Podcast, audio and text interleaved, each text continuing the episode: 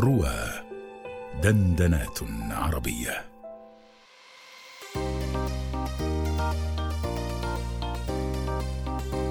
حكايات مريم. أنا يا صحبتي مريم سأسعى كي أصوم الشهر وهذه مرتي الأولى بطول اليوم لا للظهر وأمي من تشجعني إذا ما قلت لن أقدر وتخبرني بما في الصوم من فضل لكي أصبر وقالت لي أنا بنت ستكمل شهرها بالعزم وفي فرح تكافئني وتفخر بي أمام القوم. قمامة كثيرة.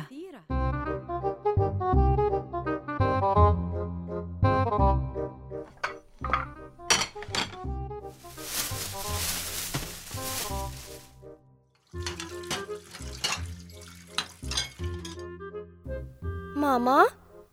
لماذا لا نملك طيورا مثل جدتي؟ وفيما تريدين الطيور يا مريومتي؟ جدتي سحر تطعم الطيور كل الطعام الفائض ولا ترمي شيئا ابدا في القمامة. كانت ياسمين طوال الأيام التي خلت من رمضان تطبخ الكميات ذاتها التي اعتادتها في الأيام العادية. بل وربما زادت عليها بعض الأصناف لكنها لم تنتبه للتغيير الذي طرأ على نظام الأسرة كله بحلول الشهر المبارك. ففي حين كانت الأسرة تتناول ثلاث وجبات قبل رمضان فهم لا يتناولون فيه غير السحور والإفطار. فكيف إذن تعد نفس كمية الطعام وتزيد عليها. لذا كانت النتيجة الحتمية لذلك هي قمامة كثيرة. اعتادت الجدة أن تطعم دجاجاتها من بقايا طعام أسرتها واعتبرت هذا اقتصادا عظيما. فكما تقول دائما طعام الدجاج أغلى من بقايا طعام الناس. لكن ياسمين لم تمتلك يوما طيورا لذا كان مصير الطعام الفائض معلوما.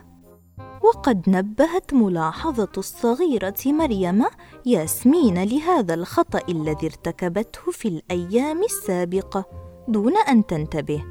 ففكرت الأم مباشرة في تداركه عن طريق تقليل كميات الطعام لتتناسب مع البطون الصغيرة والوجبات القليلة في رمضان.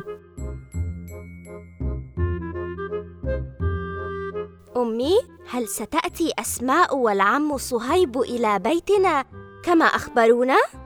بالتأكيد. لا بد أن خالتك أسماء والعم صهيب في طريقهم الآن إلينا.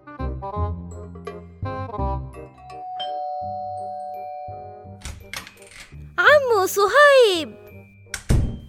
بجانب الهدية التي أحضرتها الخالة لمريم كان في جعبتها حقيبة تحوي العديد من العلب الفارغة. ما هذه يا خالتي؟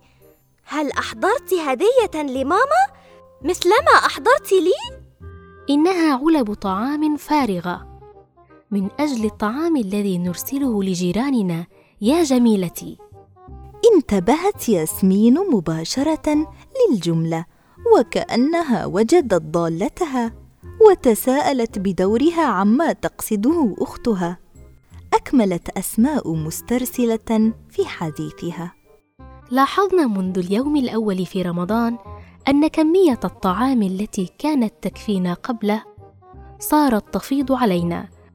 لدرجة أنها ربما تشبع فردا أو اثنين غيري وصهيب. ولنا جيران لا يملكون من النعم ما أنعم الله به علينا. ففكرنا أن يكون الشهر الكريم فرصة للتصدق وتعزيز الروابط بيننا. إنهم مثلنا. أسرة صغيرة مكونة من فردين أرملة وطفلتها. فزدت كمية الطعام التي أطبخها قليلا وبدلا من أن يكون مصيرها القمامة فأنا أعدها بشكل جيد وأرسلها مغلفة لهما في هذه العلب التي ترينها كل يوم قبل الإفطار. ما شاء الله. بارك الله لكما يا أسماء ورزقكما من فضله. لقد واجهت نفس المشكلة لكنك الآن ألهمتني بفكرة عظيمة. لن أقلل كميات الطعام أبدا بل سأزيدها. لابد أن نتكفل نحن أيضا بأسرة صغيرة في هذا الشهر المبارك.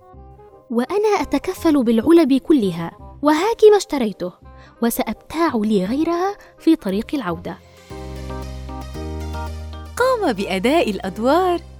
إكرام الأنصاري مي المتولي. هاجر عاصم أروى عثمان. هندسة صوتية أسماء راشد. تأليف أسماء يسري. غناء التتر إسراء جلبط. إخراج أحمد مجدي.